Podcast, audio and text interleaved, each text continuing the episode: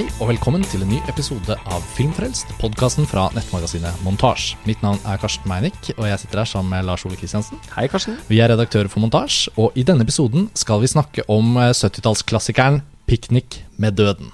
Med en udødelig norsk tittel. Ja, vi må kalle den 'Piknik med døden'. Vi må det. Altså, Deliverance er jo originaltittelen, som de fleste sikkert vet. Men dette er jo et av de relativt få tilfellene hvor det føles mer naturlig å anvende den norske tittelen, selv så mange år etter at filmen hadde premiere på kinoer her hjemme. Ja, Man finner seg jo oftest i den posisjonen hvor man klager over de norske titlene, men dette er jo et tilfelle hvor 'Piknik med døden' er liksom bare noe så treffende. Ja, det er det. Eh, og 'Deliverance' er kanskje såpass liksom hvert fall hvis man ikke har sånn dypt kjennskap til det engelske språket, og sånn, så føles ikke det som en sånn Skjønner liksom kanskje ikke helt hva det betyr engang. Altså, det er noe religiøst selvfølgelig over det, sånn men 'Piknik med døden' har det der lille sånn B-filmaktige som, Ja. som signaliserer hva slags film det er. Og som kler, det kler filmen Ja, veldig. filmen. Den er nesten på høyde med 'Nattsvermeren', som jeg, jeg tror jeg har nevnt på Filmfrelst før, og syns er på en måte den beste norske tittelen på en engelskspråklig film noensinne. Selv om jeg også syns at 'The Silence of the Lambs' er en Altså, det er jo en veldig vakker altså, poetisk eh, tittel som gir veldig klang når man ser filmen.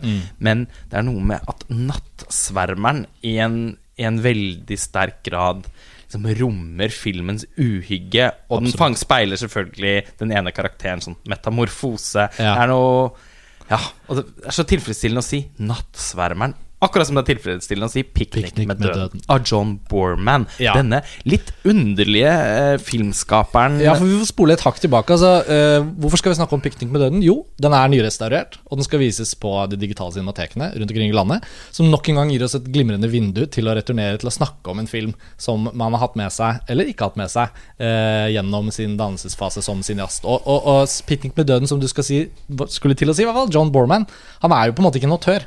Det er jo ikke sånn at man venner seg til den filmen for å liksom se en John Borman-film. Han er vel det man kaller en meteoransen. Ja. Han er jo eh, eh, virkelig noe av en sinast. Eh, jeg vet at du, Karsten, har veldig mange av disse projections Altså bøkene i Projections-serien som han eh, står bak. Det morsomme for mitt forhold til John Borman er at jeg først og fremst har hatt et forhold til han som bokredaktør.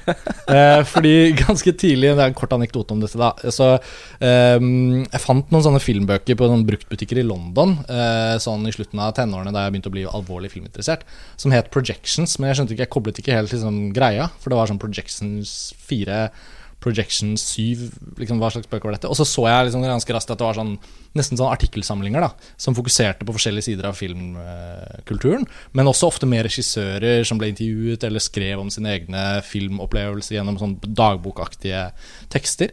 Og, og redaktøren for disse bøkene var John Borman, da, sammen med en som heter Walter Donahue fra forlaget Faber Faber. Og Projections ble sånne bøker som jeg alltid liksom satte så pris på. De, de få eksemplarene jeg hadde, da, har jeg liksom lest litt i og vært liksom veldig sånn happy med. Jeg skjønte jo selvfølgelig at han var regissør, for han skrev ofte om sine egne filmer. Og så øh, nå i nyere tid så har jeg faktisk jobbet litt med å prøve å få skaffet meg alle disse Projections-bøkene. Og jeg synes Det er alltid kult å se at det er en filmregissør som bryr seg så mye om filmkulturen.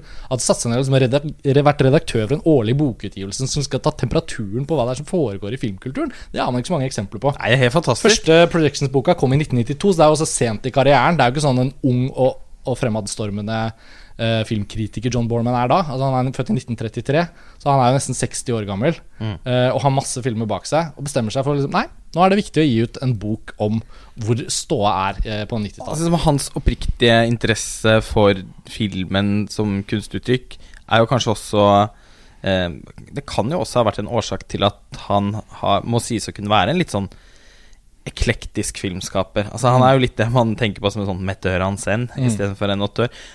Kan, altså, ikke fordi at filmene hans eh, vurdert hver for seg har noen veldig sånn egenartede trekk. Eh, 'Piknik med døden' er et veldig godt eksempel på det.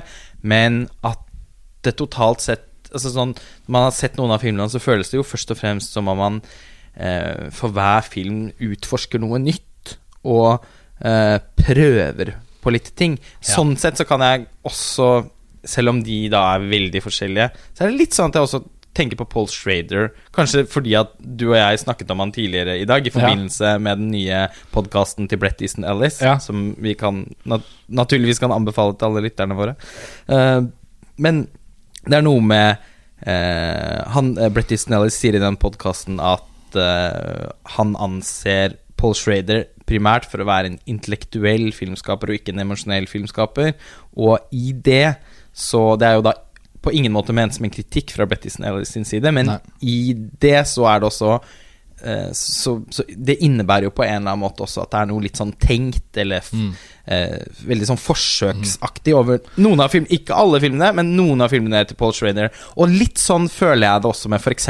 Point Blank. Jeg skulle John til å nevne det, fordi John Borman har jo laget, som du sa, han har jo en veldig merkelig filmografi. Veldig Eh, Lytterne merkelig. kan jo bare slå han opp på IMDb. Han har jo laget sin siste film nå i 2014. Da har han også uttalt at det er antageligvis hans siste spillefilm som regissør. Han er 83 år gammel nå. Men eh, eh, Point Blank, som er en fantastisk sånn hevn... Eh, sånn, sånn ruskete hevnfilm fra 1967 med Lee Marvin i en sånn ekstremt sånn eh, furet hud-lignende hovedrolle. Um, den har det at den, den ofte prøver å være en veldig fet film som har veldig fete ideer om hvordan den skal være en film. Mm. Uh, jeg setter så pris på det i den filmen, Ja, men, ja, ja. man kan på en måte identifisere det. Ja, altså Det er ikke en kritikk av film, men den, den føles veldig sånn uh, Det føles som om John Borman skal sånn leke seg med liksom, hva film kan være, Mm. og, og minne og, og, og Han altså den, bruker jo liksom klippeteknikker veldig for å vise fram at han kan lage en smartere krimfilm enn den vanlige krimfilmen. Ikke sant? Så den har et sånn filosofisk uh, aspekt ved måten den er fortalt på, og måten den er tenkt på, som eh, En annen intellektuell filmskaper, Steven Soderberg, Ja. han har jo vært også veldig inspirert av f.eks. Point Blank, en film som man kan se mye arv i The Limey, blant annet. Så det er jo en liten sånn trend der hvis man skal liksom Med forskjellig grad av suksess, da. Man kan vel si om Steven Soderberg at han er en av de som klarer å kombinere det med å være en veldig intellektuell filmskaper, med å være superleken og emosjonell og gi litt faen i det intellektuelle også. Helt klart, men han har jo også på en måte hatt eh, litt sånn ikke, Det blir feil å si ups and downs på den måten, men, han- men han har jo vært innom begge. Ja. Altså, han har også laget noen litt sånn kjølige, underlige filmer. Eh, men så altså, Steve, det er jo så Nå kommer han jo tilbake, heldigvis. Det var jo en så stor sorg at han, slutt, ja. at han sluttet som filmskaper når han var som best. Nå har han riktignok uh, brukt tiden uh, godt, godt, etterpå, ja, ja. Uh, fordi han har laget den fantastiske TV-serien til Nick. Eh, og de fleste lytterne som følger med veldig fast på Filmfrelst, har sikkert fått med seg opp gjennom at verken du eller jeg ser veldig mye TV-serier. Eh, eh, og i det hele tatt har til en viss grad en litt sånn kritisk holdning mot det her eh, kvalitetsfjernsynsdrama-hegemoniet som, eh, som, som har Vi lever i nå. som vi lever under. Ja. ja. som vi lever under. Så, eh, men, men The Nick var jo bare en helt Altså, en, en helt fantastisk opplevelse fordi det tvers igjennom føltes som en Steven Soderberg-film. Eh, og siden alle episodene var regissert og fotografert og klippet Ja. av er. Soderberg selv, så var det jo Det, det morsomme der, for å lage en bro tilbake til John Borman Ja, fordi det er- jo, men- jo, men Digresjoner må få lov å finne sted. Det synes jeg er gøy å tenke på at uh, John Borman er en regissør som også prøver seg på en måte i forskjellige sjangere. Og prøver å lage kanskje mer kunstneriske filmer i noen av filmene sine. Og så prøver han å gå med for en sånt rent sjangeruttrykk i andre. Og Soderberg har jo også gjort en del sånne liksom stikkprøver i forskjellige retninger. Sånn, kan jeg gjøre det her? Kan jeg gjøre det her? Jeg har lyst til å gjøre det der. Og så har jeg lyst til å gjøre den Og så skal jeg gjøre science fiction-filmen min, og så vil jeg bare egentlig lage liksom caper-filmer med Brad Pitt og George Clooney og ha det gøy. Tjene masse penger. Eh, og John Borman er litt i samme leia, og det bringer oss jo også tilbake til 'Piknik med døden', som egentlig denne episoden da skal handle om. Fordi at det er jo en film som er veldig veldig ren i både sitt eh, liksom fortellermessige uttrykk, hvordan den liksom styrer denne fortellingen ned elven, bokstavelig talt. Sjangermessig er den veldig kontrollert. Eh, den holder tilbake, men den er også veldig sånn Man skjønner hvilken film det er, og den bryter aldri med tonen sin. Og på mange måter blir den da tydelig premiss. Eh, viker aldri vekk fra det. Og det gjør det også til Og det betyr Bormans ikke at filmen ikke har overraskelseselementer, Nei, men den holder seg veldig sånn Ja. Og så blir den hans mest vellykkede film på sett og vis når man ser tilbake på karrieren hans. Fordi ja, nettopp den forfølger en veldig klar og enkel idé, og, og gjør det veldig bra. Og den er laget i en tid hvor John Borman også åpenbart må ha vært på et veldig bra sted. Altså Han har laget Point Black i 67. Så gjør han to filmer mellom det, tror jeg. Den Hell, Hell in the Pacific, som jeg ikke har sett.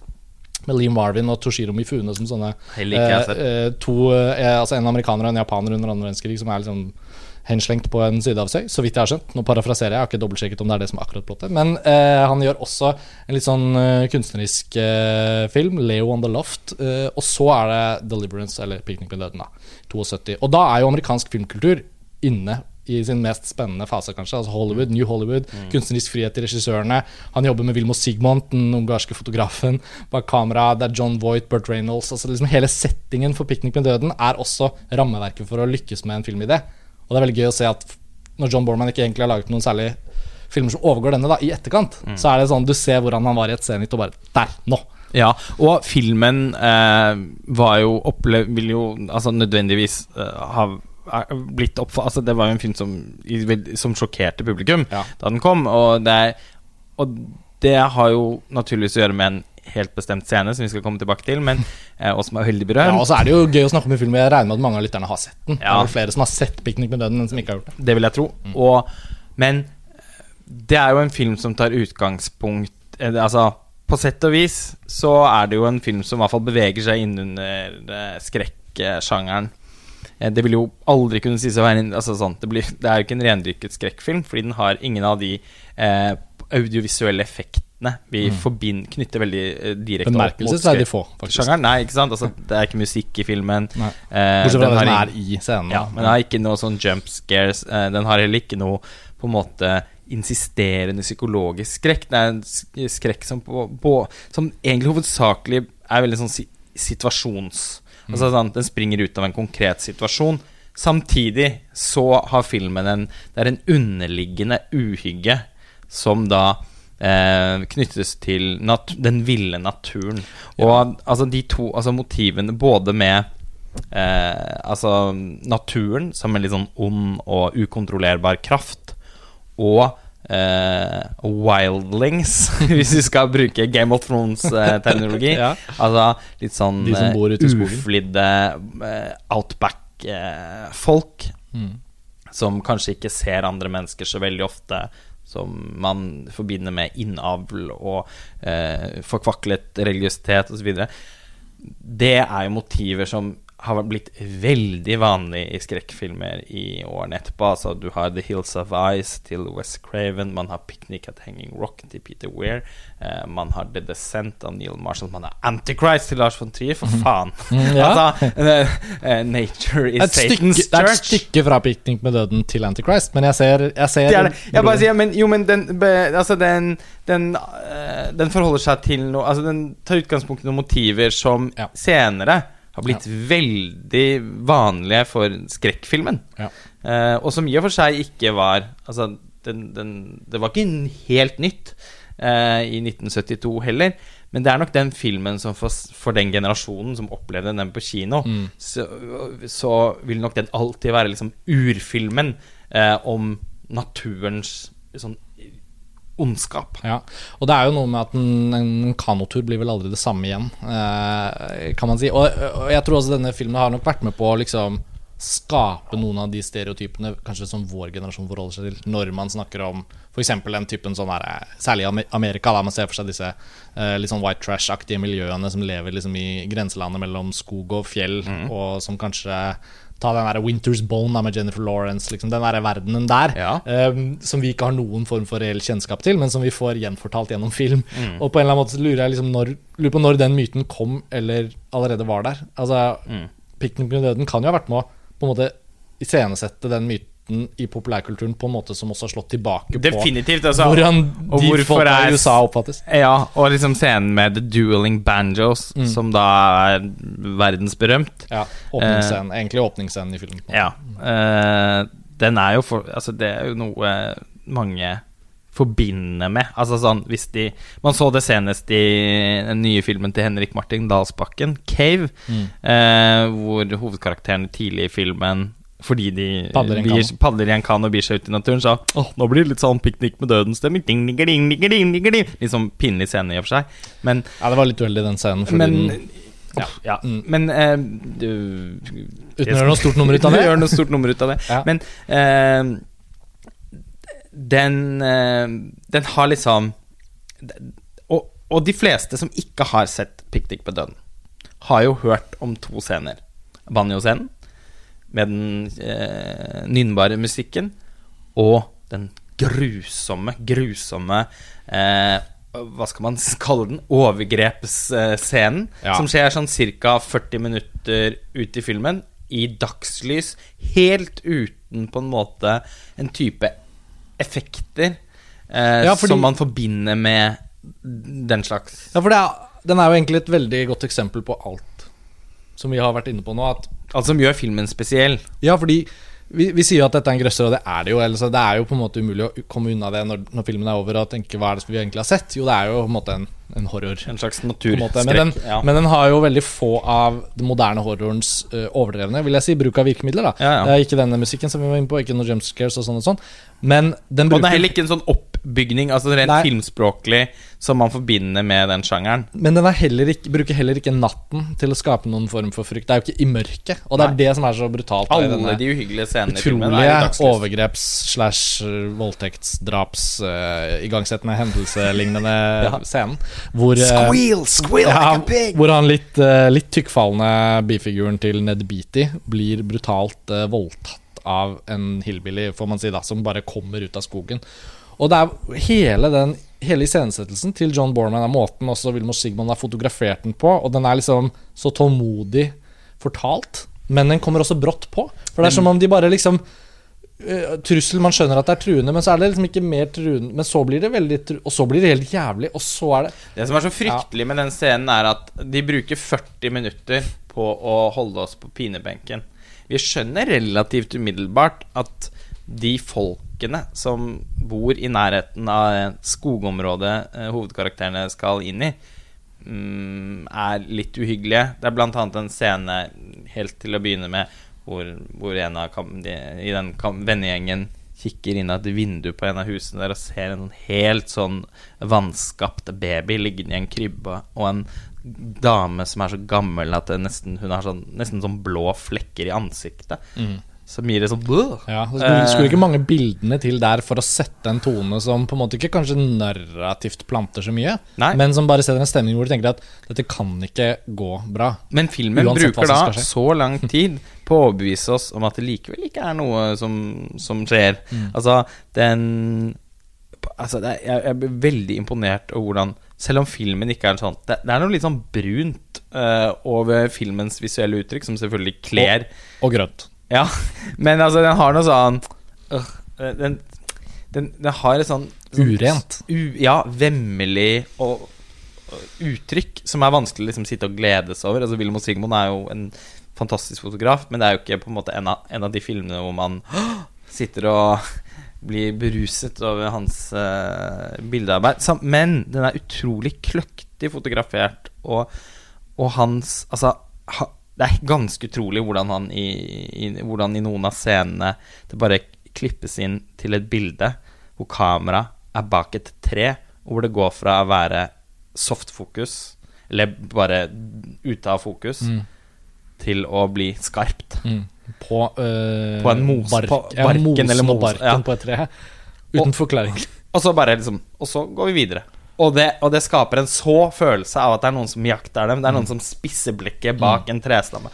Uh, Men, men som sagt, den hold, det, det går 40 minutter Ja. eh, før noe som helst skjer. Det, og den, eh, sånn, den, det er en ganske lang scene hvor de sitter rundt et leirbål på, på natten.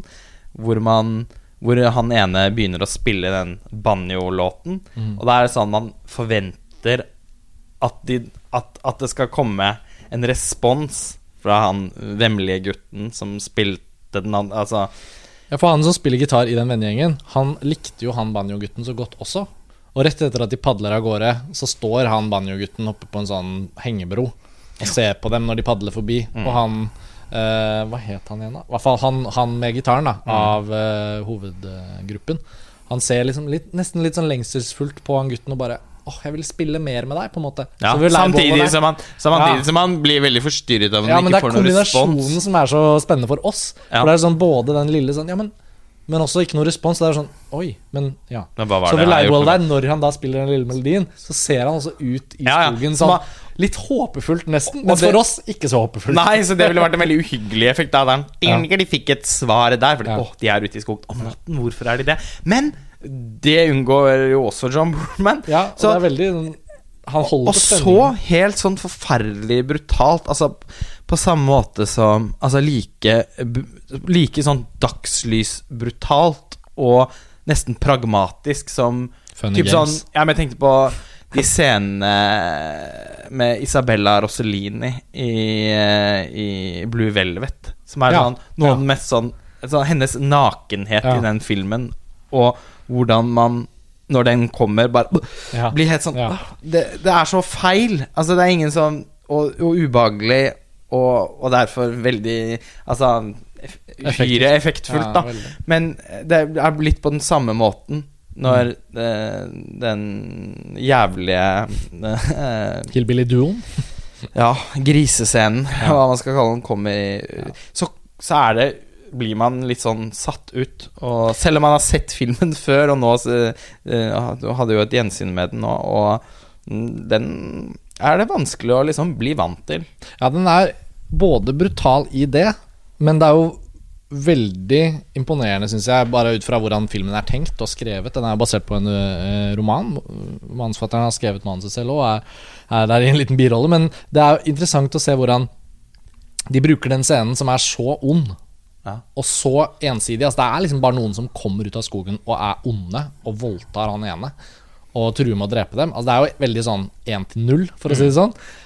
Men Og de så har brune tenner. ja, det er liksom Det kan, de- ikke, det kan ikke liksom eh, Det kan ikke Det ser ut som de har liksom vokst opp av bakken i skogen. Ja, det er ingen nyanser der, da. Nei. Men når scenen da likevel er over, og de sitter der med den døde kroppen og bare Hva nå? Da har også fortellingen og måten det fortelles på, klart å snu det til å gjøre, omgjøre det til et moralsk dilemma. De har egentlig all rett på sin side. Selvfølgelig burde de bare kunne ringe politiet og si sånn Han fyren her voldtok kameraten vår og prøvde å drepe oss, og vi forsvarte oss med pil og bue, og her er resultatet. Men så går ikke det heller. Og så er det noe med hvordan de har etablert Burt Reynolds som liksom han selvsikre gruppelederen.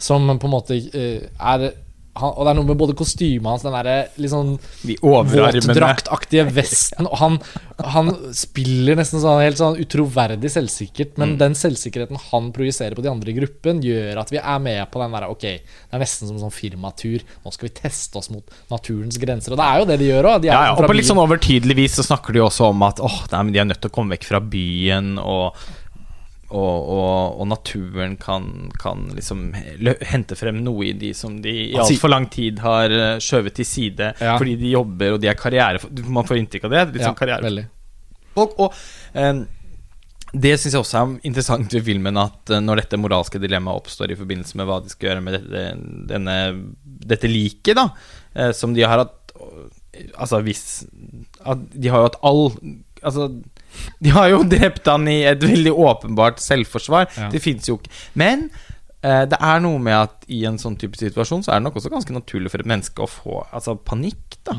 Og eh, og de er jo da redde for at systemet, altså rettssystemet, på en eller annen måte skal spille dem et ja. puss. Eh, og at i det hele tatt, hvis det blir en sak ut av det, så kan det på en eller annen måte være ødeleggende for dem. Og de vil aldri kunne fjerne seg fra det så lenge de lever. Så på en sånn uhyggelig måte så går også filmen fra å eh, handle om frykten for det uville og ukontrollerte i naturen, til å også Altså, men, men, de, er, men de frykter også eh, samfunnet og, og det, det, på en måte den kon, Altså en Ja, nei. Ja, de er, de er liksom i en, en knipe som virker unødvendig, men De samtidig så er frykter både sivilisasjonen og villmarken. Ja, og så klarer de ikke å kontrollere gruppebalansen seg imellom. Og det er bare Det høres jo enkelt ut, for det er ganske enkelt. Men når det plasseres sånn i filmen, og kommer på det tidspunktet etter en så gruoppvekkende hendelse, så er det noe med at man også må gi honnør til da Altså måten John Borman og, og, og for så vidt skuespillerne Det er veldig sånn Det er veldig sånn at de holder på at det er en realistisk situasjon. For i det øyeblikket der så er det jo også noe med at man er nå vant med liksom sjangere hvor det er sånn Finn fram motorsagen, nå deler vi opp dette liket i biter, og alt går så lett og greit. Men det neste som skjer da, er at vi bare får se hvor tungt det er å trekke sånt lik fra et sted til et annet. Hvor tungt det er å grave et hull med fingrene. Hvor skitne man blir av jorden. Hvor håpløst det ser ut når du har dekket over det med jord. Så bare sånn, ja, Var dette noe særlig bra skjult, da? Tja, vi får bare padle av gårde. Og så liksom når et, når det da har skjedd, og vi er litt midtveis i filmen, så er det sånn Hva nå? Nå går det vel bare enda verre, på en måte. Og så føler man det gjennom denne videre kanoturen nedover elven. Og jeg, jeg og her går jo filmen inn i et modus hvor den er en veldig sånn Altså eh, her, Der blir den jo nesten en sånn adventure-film. Ja, for det morsomme med den er at den er ikke en sånn upriver eh, psykologisk skrekk. Altså Det er ikke Heart of Darkness. Nei. Jeg føler det er veldig sånn metafor man Eller sånn, der, sånn sammenlignende med et Mm. annet verk man ikke kan trekke inn her. Nei, nei. Uh, og, og da er det jo også litt sånn Ok, så det er ikke sånn, nei. Så det er ikke sånn at de padler seg innover i jungelen og blir liksom overtatt av psykologisk uh, ubalanse. Nei. Det er veldig praktisk og veldig Mm. enkelt, men ikke noe mindre komplisert, selvfølgelig, å overleve. For det Nei. blir jo en survival-film på mange måter. Ja, og sånn sett så har den, eh, har den jo på en måte litt til felles med den The Descent til Neo Marshall, som, Ja, som jeg ikke får- har sett. Nei. Jeg har bare hørt at den er så forferdelig skummel at jeg kan ikke få meg til å se den. Men jeg har kjøpt den. Jeg har den her på hylla. Ja, det er, jeg håper jo du en dag Jeg må det, jeg må eh, setter deg ned med den. Men det er en av de beste skrekkfilmene som er laget de siste 20 årene. Men den er jo Den er selvfølgelig helt an, Altså Settingen er på en måte helt annerledes, for den foregår inne i en grotte. Eh, Så mørket spiller inn. Ja, Ja. Men, men den har liksom lik, Men de, de har definitivt noen ting til felles. Og det er jo også da for å trekke inn Cave til Henrik Martin Dalsbakken igjen, Mm. så er det morsomt å se at de to mest åpenbare inspirasjonskildene til den filmen er nettopp 'Piknik eh, med døden' og 'The Descent'.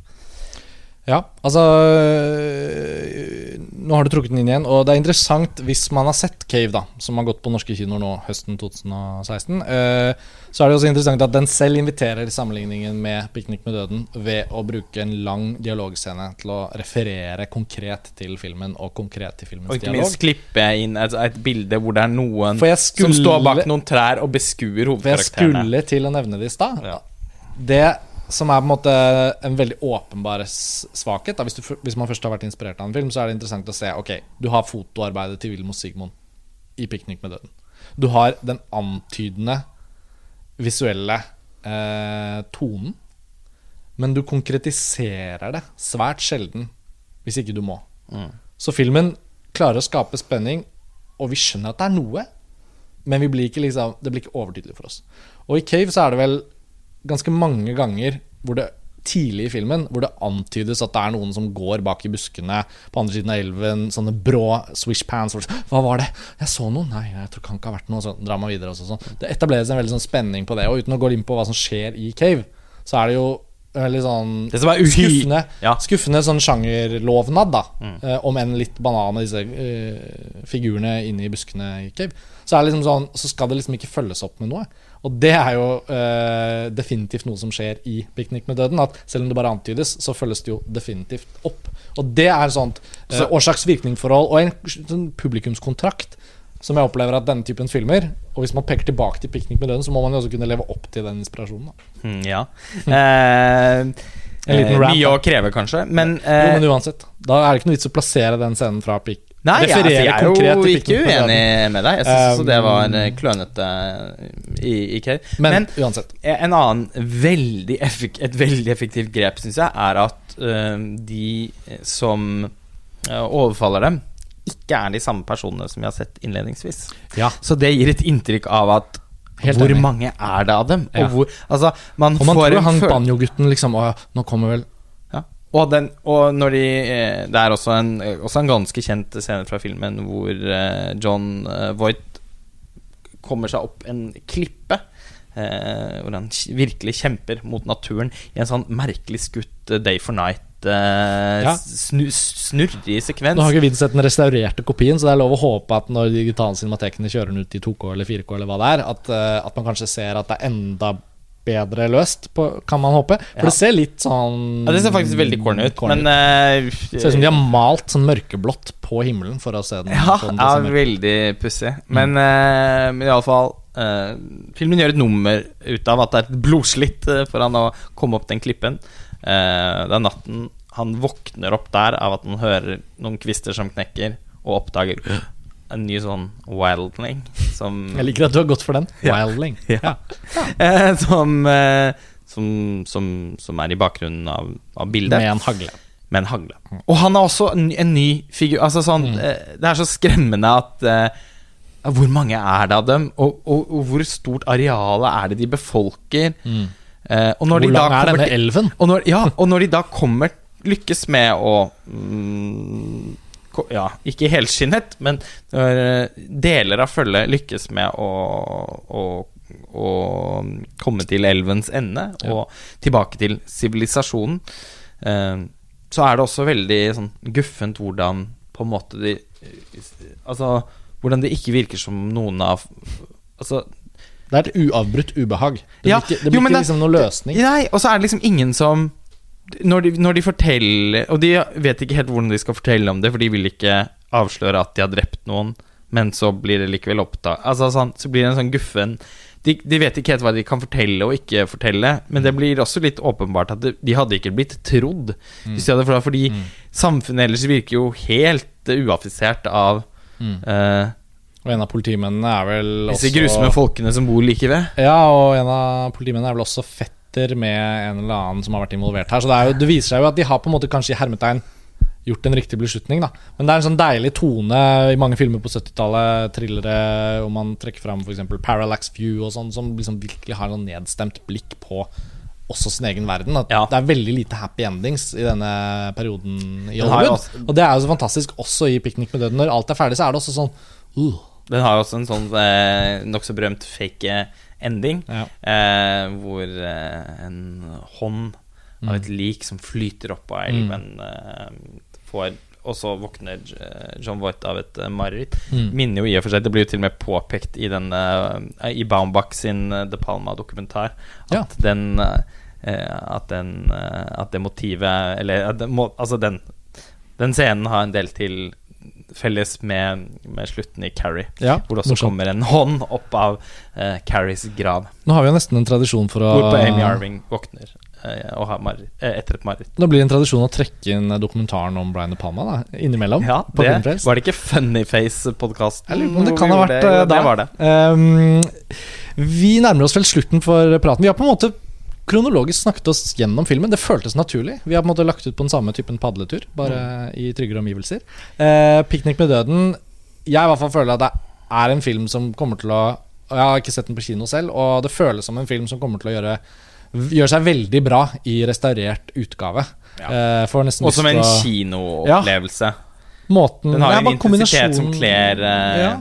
Både liksom selvfølgelig at den er så spennende, Mm. Som også blir ekstra effektfullt når man ser det i en kinosal med andre. Og, stillhet, og stillheten. Altså, Ja. det er så Det er jo ikke Det er bare, bare én scene, hvis jeg husker riktig nå, hvor de bruker musikk, bortsett fra den banjomusikken, Mm. eh, som jo er diegetisk, Mm. så er det tror jeg, bare én scene hvor det kommer en sånn Mm. Og aldri igjen. Mm. Så det er, den, eh, det er jo fascinerende hvordan filmen eh, Til å være en film som har Som har blitt så ikonisk, eh, og, og som for mange har liksom blitt innbegrepet på eh, på en del av de Altså på alt fra kanoturer til banjospilling Mm. og og, og, vill, og, skrekk i villmarken, Mm. så, så er den jo forbløffende ukonvensjonell Ja. i veldig mye av Og det gjør også at den står seg. Jeg tenker virkelig at det er, Ja, den er ikke, Nå må vi også finnes ikke 70-tallet begynner å bli ganske datert. lenge siden. Er vel en 44 år gammel film nå. Mm. Og man kunne ikke forestille seg Altså Det er vanskelig å forestille seg at man hadde, i hvert fall i, i, med, innenfor studiesystemet i Hollywood Ja. i dag, Ja. med et tilsvarende premiss, Mm. hadde laget filmen på den måten som gjør at den er så god. Mm, nettopp. For det, det- er jo nettopp tilbakeholdenheten og den disiplinerte forteller eh, Ja. Og det var jo en enorm suksess. Ja. Eh, så, og, og det gjør, at, gjør jo selvfølgelig at man blir desto mer eh, Man blir jo påminnet om hvor kritisk man til dels burde være til en del av de veldig sånn, over, sånn overstimulerende eh, filmene som lages i Hollywood i dag, hvor det er så mye virkemidler eh, som anvendes at de på en måte også nuller ut Ja. seg selv. For det er jo faren, at man får den derre numne publikum. Og publikum blir så velkjent med alle virkemidlene at liksom det ene ikke lenger imponerer like mye. da Men man har kanskje glemt at tilbakeholdenhet og, effektiv bruk av de man faktisk bruker, Mm. har en helt egen måte å forføre publikum på. I hvert fall føler jeg at Picnic med den er et klasseeksempel på det. Nå kommer, altså, når vi snakker om dette nå, så kommer jeg på at det er jo også et av hovedtemaene i den podkasten til Brettis Nellis Ellis med Paul Schrader. Ja, ja. Så Jo, men supplementslytting, da. Hvis ja. dere har hørt gjennom denne episoden vi har laget nå, om Picnic med døden, så må det jo bare sies. Vi kan si det litt tydeligere. Altså, Brettis Nellis Ellis har jo en podkast som han eh, har holdt på med i noen år nå. Eh, det er ikke så hyppige episoder som eh, publiseres der, men eh, han har jo veldig god vennekrets. Eller vennekretsen hans er veldig sympatisk anlagt for folk som oss, som har lyst til å høre folk som Paul Schrader, Quentin Tarantino, Larry Clark snakke om helt sånn unplugged. Ja, og det er veldig sånn unplugged stemning. og, og den har akkurat blitt publisert nå pga. Paul Schraders nye film, 'Dog Eat Dog', har hatt eh, kinopremiere i USA. Den var jo i Cannes eh, Ja, vi jeg, ja, du var ikke i Cannes, men jeg, den eh, endte jeg ikke opp med å prioritere, i og med at jeg ikke har vært så begeistret for de si, si, si, siste filmene. Nettopp for Brett Easton Ellis skrev jo da manuset til The Canyons, som var den Ikke den forrige, men den forrige før der igjen. Uh, filmen som Paul Schrader regisserte. Og i denne episoden så sitter de jo virkelig og snakker så fritt, og det er veldig gøy å høre på. Og hvis man er litt spesielt interessert, så er det jo også bare sånn En ting er at Paul Schrader og Brett Easton Ellis snakker om liksom amerikansk film på 70-tallet, og bare hvordan man Og så plutselig går de inn på anekdoter, og så hvordan mista du kontakten med Spielberg fordi Paul Schrader skrev førsteutkastet til Close Encounters of the Third Kind, og Paul Schrader kom med den ene liksom, fornærmelsen etter den andre, og så dras det inn Pauline Kale. Som var hun som faktisk hjalp Paul Schrader inn i hele filmbransjen. Pga. av at han var en aspirerende filmkritiker. Hun tok han under vingen og fikk han inn på filmskole. Og, og så hvordan de brøt opp. Og så blir det veldig filosofisk. Går de inn på alt mulig. Og det er bare sånn Det er veldig, veldig gøy å høre på. Så Det er morsomt. Altså, Brett Easton Ellis er så uredd for å mene noe. ja. Han har liksom ingen Han har vennskap han ingen, ikke ja, men det er kan ingen miste. filter. Nei. Han kan brenne hvilken som helst bro. Ja. Det er liksom hans stil. Og det gjør at han klarer å på en måte også inspirere alle som setter seg ved mikrofonen på den andre siden av bordet, Ja, til å oppføre gjort- seg på den samme måten. Han har gjort med John inn- Carpenter òg, faktisk. ja, den er, og jeg, men jeg har ikke fått hørt den Larry Clark-episoden ennå. Ryktene sier at den er veldig drøy, og at den bekrefter alle fordommer man måtte ha mot Larry Clark. Ja, hvis man har sett noen Larry Clark-filmer, så antar man jo ikke at han er en sympatisk fyr. Nei, Eh, og alt tilsier at han i denne episoden viser seg Han er en enda gammel gris, og det er visstnok Men jeg er jo Ja. Men kan anbefale den podkasten, iallfall. Både Brett Easton Ellis podkasten for øvrig, men særlig denne episoden med Paul Schrader. Da. Uh, han snakker mye om amerikansk film på 70-tallet, så det kan sannsynligvis forhåpentligvis være en bra, et bra supplement til, til dette med piknik på døra? Ettersom vi er i anbefalingsmodus, så Ja. vil jeg bare si en aller siste ting før vi avslutter denne episoden. Og det er jo da Ettersom vi kom inn på Larry Clark, eh, så er det veldig verdt å nevne at eh, Tulsa, denne fantastiske fotoboken eh, som har vært out of print i en årrekke nå Altså er fotoboken til Larry Clark. til Larry Clark Mm. eh, er eh, tilbake. Den er å, å få bestilt eh, på, på nett. Og er jo altså Hvis man har noe som helst interesse for hva ikke egentlig, Du trenger ikke ha en spesiell interesse for Larry Clark engang for å utbytte av den boken. Mm. Hvis man har det, og det er jo Jeg er sikker på at mange av lytterne våre på en eller annen måte har et forhold til Larry Clark, eh, være seg om det er eh, fordi man er begeistret for kids, eller fordi man syns han er en forferdelig filmskap. Altså, Mm. men, men den boken er i hvert fall et, et must, Mm. uh, og den er å få kjøpt ganske rimelig fra The Book Depository. Ja. Eh, Det er frifrakt, i hvert fall. fri frakt. Um, Så det er en eh, varm anbefaling. Definitivt. Vi får oppsummere der. Uh, 'Piknik med døden', norske tittelen 'Win'. Engelsk tittel 'Deliverance'. John Borman, uh, kanskje ingen stor autør, men han har jo laget uh, flere filmer verdt å se. Og han har altså vært redaktør for bokserien Projections. Og Da må jeg jo skyte inn det også. At den serien er også out of print, men eh, Projections-bøkene er til salgs i bruktforhandlere både på nett og fysisk. Så det går an å finne det. Bare søke det opp hvis noen er nysgjerrig. Jeg kan definitivt anbefale. Og John Borman ønsket en gang å lage 'Ringenes herre'. Det er altså eh, Ja, det er morsomt. en altså. ting som er verdt å nevne. Og, og, og det ble ikke sånn, men han lagde filmen 'Excalibur' isteden, som et vel et slags plaster på såret. En film som er nokså imponerende. Eh, Den har enda mer eh, bruk av softfokus enn det som er vanlig å se i en del av de filmene Wilhelm Sigmund har fotografert. Og den er i og for seg visuelt eh, såpass egenartet at den at det kan være mulig å si at den er verdt å se. Den er fotografert av Jeg tror han heter Alex Thompson, som også har skutt eh, Legend og Ridley Scott, som jo er en visuelt helt ko-ko og forbløffende eh, film. Eh, men Excalibur er jo da en av disse filmene hvor alle roper. Jeg har alltid ansett den som en kalkun. Jeg har ikke sett Excalibur, men jeg, jeg, jeg ser jo at det er en av disse John Borman-filmene som gjør at han har en litt sånn merkelig filmografi. Men, altså, untro, ja, men filmen ble jo ganske godt mottatt i sin samtid, så det er jo ikke Ja. noe sånn Den er ikke ansett for å være en kalkun, Nei. på en måte. Men kanskje- og, da, og det er den, det vil jeg ikke Jeg vil ikke dra det så langt, men Kanskje ikke Tolv tidens tann? Nei. Jeg husker at i den perioden hvor, uh, hvor jeg var enormt uh, inne i altså både Lord of the Rings og Harry Potter, og altså, så var, da var jeg ganske sulten på alt uh, som var å finne av fantasyfilm. Og Excalibur uh, ble kjøpt på DVD. og forsøks, altså sett og forsøksvis likt eh, ganske mange ganger, men kom aldri i mål. Nei. Oh, the day, day! Ah, more wine! Altså, det er eh, Ja. Så det, jeg er veldig så, Og han drømte om å lage Ringenes herre. Ja, og kanskje skal vi være glad for at den drømmen ikke gikk i oppfyllelse.